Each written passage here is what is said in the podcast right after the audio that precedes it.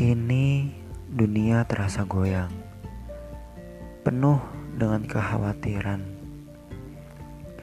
Corona hadir mengundang kematian, layaknya sebuah ancaman.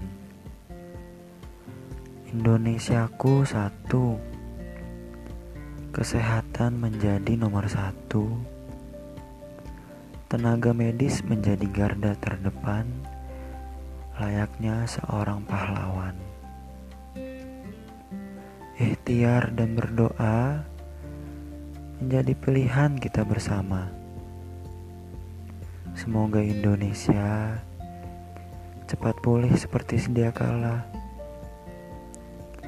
Karena hidup begitu singkat, teruslah berjuang.